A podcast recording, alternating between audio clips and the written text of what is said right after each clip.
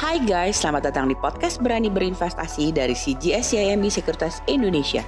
Sebuah podcast yang akan membahas tentang pasar modal, update seputar investasi saham, dan tips investasi untuk milenial. Buat kamu semua yang penasaran, stay tune terus ya di podcast Berani Berinvestasi dari CGS CIMB Sekuritas Indonesia. Halo guys, apa kabar? Selamat datang di podcast Berani Berinvestasi dari CGS CMB Sekuritas Indonesia. Kali ini saya, Kevin Huta Barat, selaku Retail Research Analyst CGS CMB Sekuritas Indonesia, dan ditemani oleh teman satu tim saya yaitu Fani Suherman, akan berbincang-bincang seru nih guys tentang pembicaraan menarik di market saat ini, yaitu bagaimana strategi investasi saham kita di bulan Mei. Yuk langsung aja kita mulai. Hai Fani, apa kabar? Hai, baik. Hai Van, ada beberapa pertanyaan nih Van yang selalu ditanyakan ke pelaku pasar. Yang pertama itu kalau kita perhatikan kan sebenarnya di saat COVID-19 per 4 Mei 2020 kan sudah lebih dari 3,5 juta kasus ya yang terinfeksi. Mm-hmm. Dan Indonesia sendiri kan kasusnya sudah di atas 11 ribu. Nah kira-kira mm-hmm. menurut Van itu bagaimana ya dampaknya? Nah kalau misalkan kita lihat nih kayak uh, dari prediksi beberapa sumber terkait uh, dengan potensi outbreak ini, peaknya itu kapan gitu ya. Kalau misalkan kita lihat berdasarkan data ITB, data Universitas Gajah Mada dan lain-lain. Uh, dari beberapa sumber yang ada itu memang semuanya hampir sama. Jadi hmm. mengatakan bahwa peak outbreak ini kemungkinan di sekitar bulan Mei sampai dengan bulan Juni. Dan hmm. kemudian setelah itu baru kasusnya akan mulai melandai. Nah kalau misalkan kita lihat uh, dari kasus COVID-19 ini pastinya akan membuat perekonomian kita melambat. Hmm. Dan uh, kalau menurut prediksi IMF untuk GDP Indonesia sendiri itu akan turun ke 0,5 persen. Hmm. Nah ini uh, berbanding apa ya berbanding uh, cukup signifikan sih dibandingkan dengan prediksi Bu Sri Mulyani yang uh, sekitar 2,3 persen untuk uh, GDP di tahun 2020 ini gitu ya. Hmm, hmm, hmm. Nah tapi kalaupun ternyata betul bahwa yang seperti Ibu Sri Mulyani katakan, misalkan GDP kita itu turunnya ke bertumbuh hanya 2,3 persen di tahun ini, hmm. ini adalah uh, kinerja GDP yang lebih buruk atau yang terburuk gitu ya dibandingkan dengan GDP 2009 dan juga GDP 2015 yang lalu. Hmm. Di mana kalau kita ingat, um, memang tahun 2009 lalu itu memang ada uh, penurunan juga di GDP kita, tapi hanya ke 4,5 persen. Dan yeah. kemudian di 2015 juga sempat ada penurunan, tapi hanya 4,79 persen. Jadi kalau yeah. nanti GDP kita betul-betul di bawah 4 persen, itu adalah kinerja yang buruk ya. Oke, okay. berarti uh, kalau di sini kita bisa ngambil kesimpulan uh, IHSG bakal rentan juga ya, Van, kalau misalnya GDP kita turun. Mm-hmm. Nah pastinya uh, investor akan berpikir bahwa oh GDP kita turun berarti ekonomi kita jelek, IHSG bisa turun nih gitu ya. Mm-hmm. Uh, itu adalah hal yang wajar. Tapi kalau misalkan nih kayak kita lihat balik ke data historical dari tahun 2007 sampai dengan 2019, mm. ternyata kalau kita hitung korelasinya antara GDP dan juga IHSG itu yeah. uh, mereka memiliki korelasi plus 0,456 atau uh, bisa kita katakan bahwa berarti kalau GDP turun belum tentu IHSG akan koreksi karena korelasinya ini tidak kuat karena korelasinya yeah. masih uh, di bawah 0,5 gitu. Yang kuat tuh kalau di atas 0,5.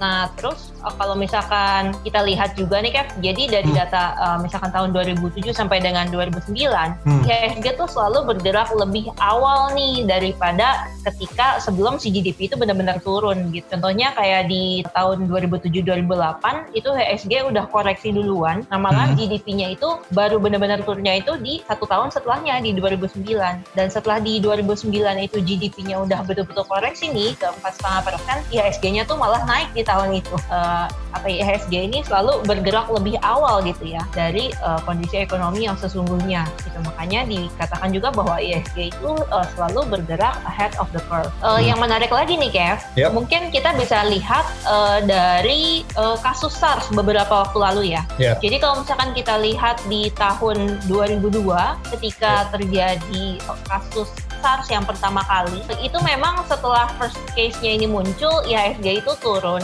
Tapi kemudian yang menarik adalah ketika SARS ini mendekati peak sampai dengan SARS ini selesai IHSG justru membukukan kenaikan. Dan rate-nya itu cukup besar. Jadi rate-nya itu bisa naik sekitar 50% Kev dari uh, sejak diumumkan mau peak sampai dengan SARS itu selesai gitu. Jadi kita harapkan nih bahwa setelah peak COVID ini juga sudah mendekat kan? Hmm. dan uh, by historical juga IHSG akan bergerak menguat nih setelah uh, kasus inilah ya, setelah si COVID ini selesai sampai dengan nanti hilang gitu, kemungkinan juga ekonomi akan membaik lagi yeah. gitu. Oke, okay.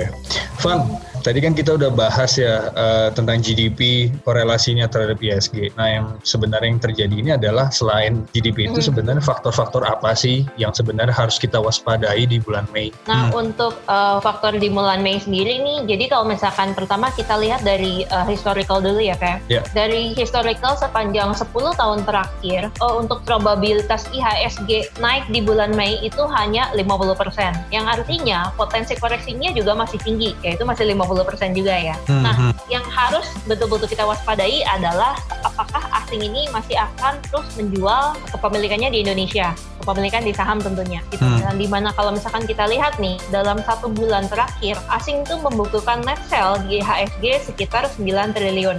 Oh. Dan net sell yang terbesar itu ada di big banks kayak Bank Man eh sorry Bank BRI itu sekitar net sell-nya tuh dua setengah triliun. Kemudian uh, Bank BCA net sell-nya sekitar 1,3 triliun. Hmm. Kemudian Astra juga membukukan net sell sekitar 683 uh, miliar dan juga Mandiri membukukan net sell sekitar sekitar 550 miliar. Gitu. Nah, alasannya kenapa? Dengan adanya pandemik COVID-19 ini, kemungkinan laporan keuangan bank itu akan terganggu pula hmm. dengan uh, kinerja Astra. Nah, kalau misalkan kita lihat nih uh, sepanjang versi 2020, Astra itu sudah membukukan penurunan laba sekitar 7,85 persen year on year dan juga sales turun 9,41 persen year on year. Nah, di mana di bulan Mei ini juga pasti kita akan melihat nih uh, laporan-laporan keuangan emiten untuk uh, versi 2020 2020 itu pasti semuanya akan mengalami perlambatan. Yeah. Jadi untuk strategi bulan ini sendiri mungkin kita bisa lihat dari uh, sektor apa sih yang kira-kira asing mulai kolek dan juga yang kedua adalah kira-kira bisnis apa nih yang walau dalam keadaan pandemik uh, seperti sekarang tapi masih tetap akan ada demand. Mungkin itu akan lebih menarik ke depannya. Menurut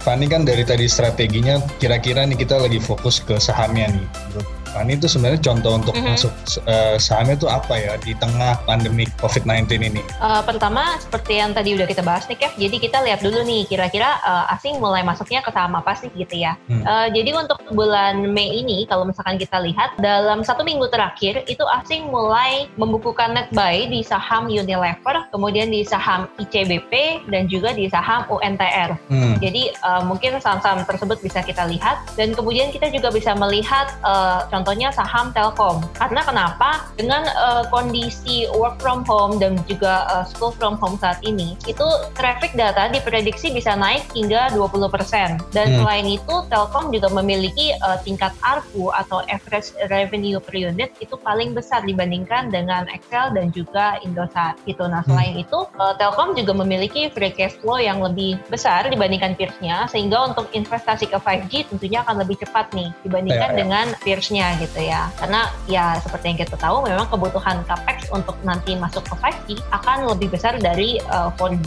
Dan kemudian uh, kita juga bisa melihat saham lainnya adalah mungkin saham pegas. Hmm. Kenapa? Karena walaupun di tengah uh, penurunan harga gas di mana untuk uh, beberapa industri ditetapkan harga gas itu menjadi 6 dolar per MMBTU. Hmm. Nah, tapi harga upstream juga itu akan dikurangi 4 sampai dengan 4,5 per MMBTU di mana hmm. uh, kalau misalkan kita bandingkan dengan kondisi saat ini itu harga pegas beli di range antara 5,4 sampai dengan 8 per mm BTU. Nah yeah. ini uh, balik lagi tapi tergantung kontrak masing-masing gitu ya. Dan juga uh, cost distribusi nih dari MIP downstream juga kemungkinan akan diberikan insentif sehingga bisa turun ke satu setengah sampai dengan 2 per mm BTU dari sebelumnya sekitar 2,6 sampai 3,2 untuk sampai uh, ke end user gitu. Uh, walaupun dalam kondisi saat ini kemungkinan volume gas memang bisa turun kalau misalkan kita lihat dari uh, demand pabrik gitu ya karena beberapa pabrik pasti akan uh, ditutup juga karena pandemik ini gitu. Yeah. Tapi kalau kita lihat uh, permintaan dari PLN harusnya tidak akan jauh berkurang. Jadi harusnya uh, demandnya masih cukup oke okay untuk pegas. Hmm. Uh, kemudian katalis lain untuk pegas yang bisa dilihat adalah karena si pegas ini uh, listing di bursa dan dia juga sudah punya free float di atas 40%. Nah, dia mendapat keuntungan dari dari pemotongan pajak nih, Kev. Jadi hmm. kan memang sekarang mulai ada pemotongan pajak ya, Kev ya. ya. Untuk tax rate dari 25% di tahun ini itu ke sekitar 22%. Nah, karena dia sudah listing dan tadi uh, memenuhi syarat 40% free vote itu diberi lagi uh, keringanan pajak jadi 19% dan untuk hmm. tahun 2022 nih menjadi 17%. Nah, tentunya itu juga menguntungkan untuk pegas hmm. gitu. Nah, uh, mungkin yang terakhir bisa dilihat satu lagi adalah MNCN dan juga SCMA itu dari uh, segi media ya. Yeah. Jadi kalau kita lihat uh, kenapa saham ini juga kedua saham ini menarik kalau kita lihat dari audience share per tiga bulan yang pertama dari Januari, Februari, Maret di hmm. tahun 2020, MNCN dan SCMA ini memiliki audience share yang paling tinggi dibandingkan dengan peersnya. Jadi uh, kemungkinan besar memang sih kemungkinan uh, mereka akan terkena dampak juga nih sektor media dari COVID ini karena pasti akan berkurang dari segi advertising spending gitu ya. Yeah. Tapi kalau misalkan kita lihat contohnya kayak MNCN sudah meluncurkan RCTI Plus gitu di bulan Agustus 2019 dan juga SMA sudah mulai mengakuisisi uh, video pada tahun video. 2019. Nah ini mereka nih mulai masuk ke digital channel. Nah di mana sektor ini masih akan terus berkembang ke depannya. Jadi ini juga masih cukup menarik untuk media. Mungkin bisa dilihat juga untuk uh, di bulan Mei. Jadi membuat teman-teman yang tadi dengar percakapan saya dengan Fani, kira-kira gambarannya yang tadi sudah dijelaskan Fani yaitu termasuk beberapa sektor yang kita bisa lihat ada sektor consumer, telekomunikasi, media dan juga ada gas ya. Jadi uh, buat teman-teman kira-kira bisa mengambil peluang nanti di bulan Mei seperti apa. Oke okay, Fani, thank you ya Fani untuk hari ini. Sama-sama Kev. Ya, dan buat teman-teman semua, sampai jumpa di podcast Berani Berinvestasi di selanjutnya supaya kalian semakin berani untuk berinvestasi. Karena kalau nggak dimulai dari sekarang, terus kalian mau mulai kapan lagi? Mari berinvestasi.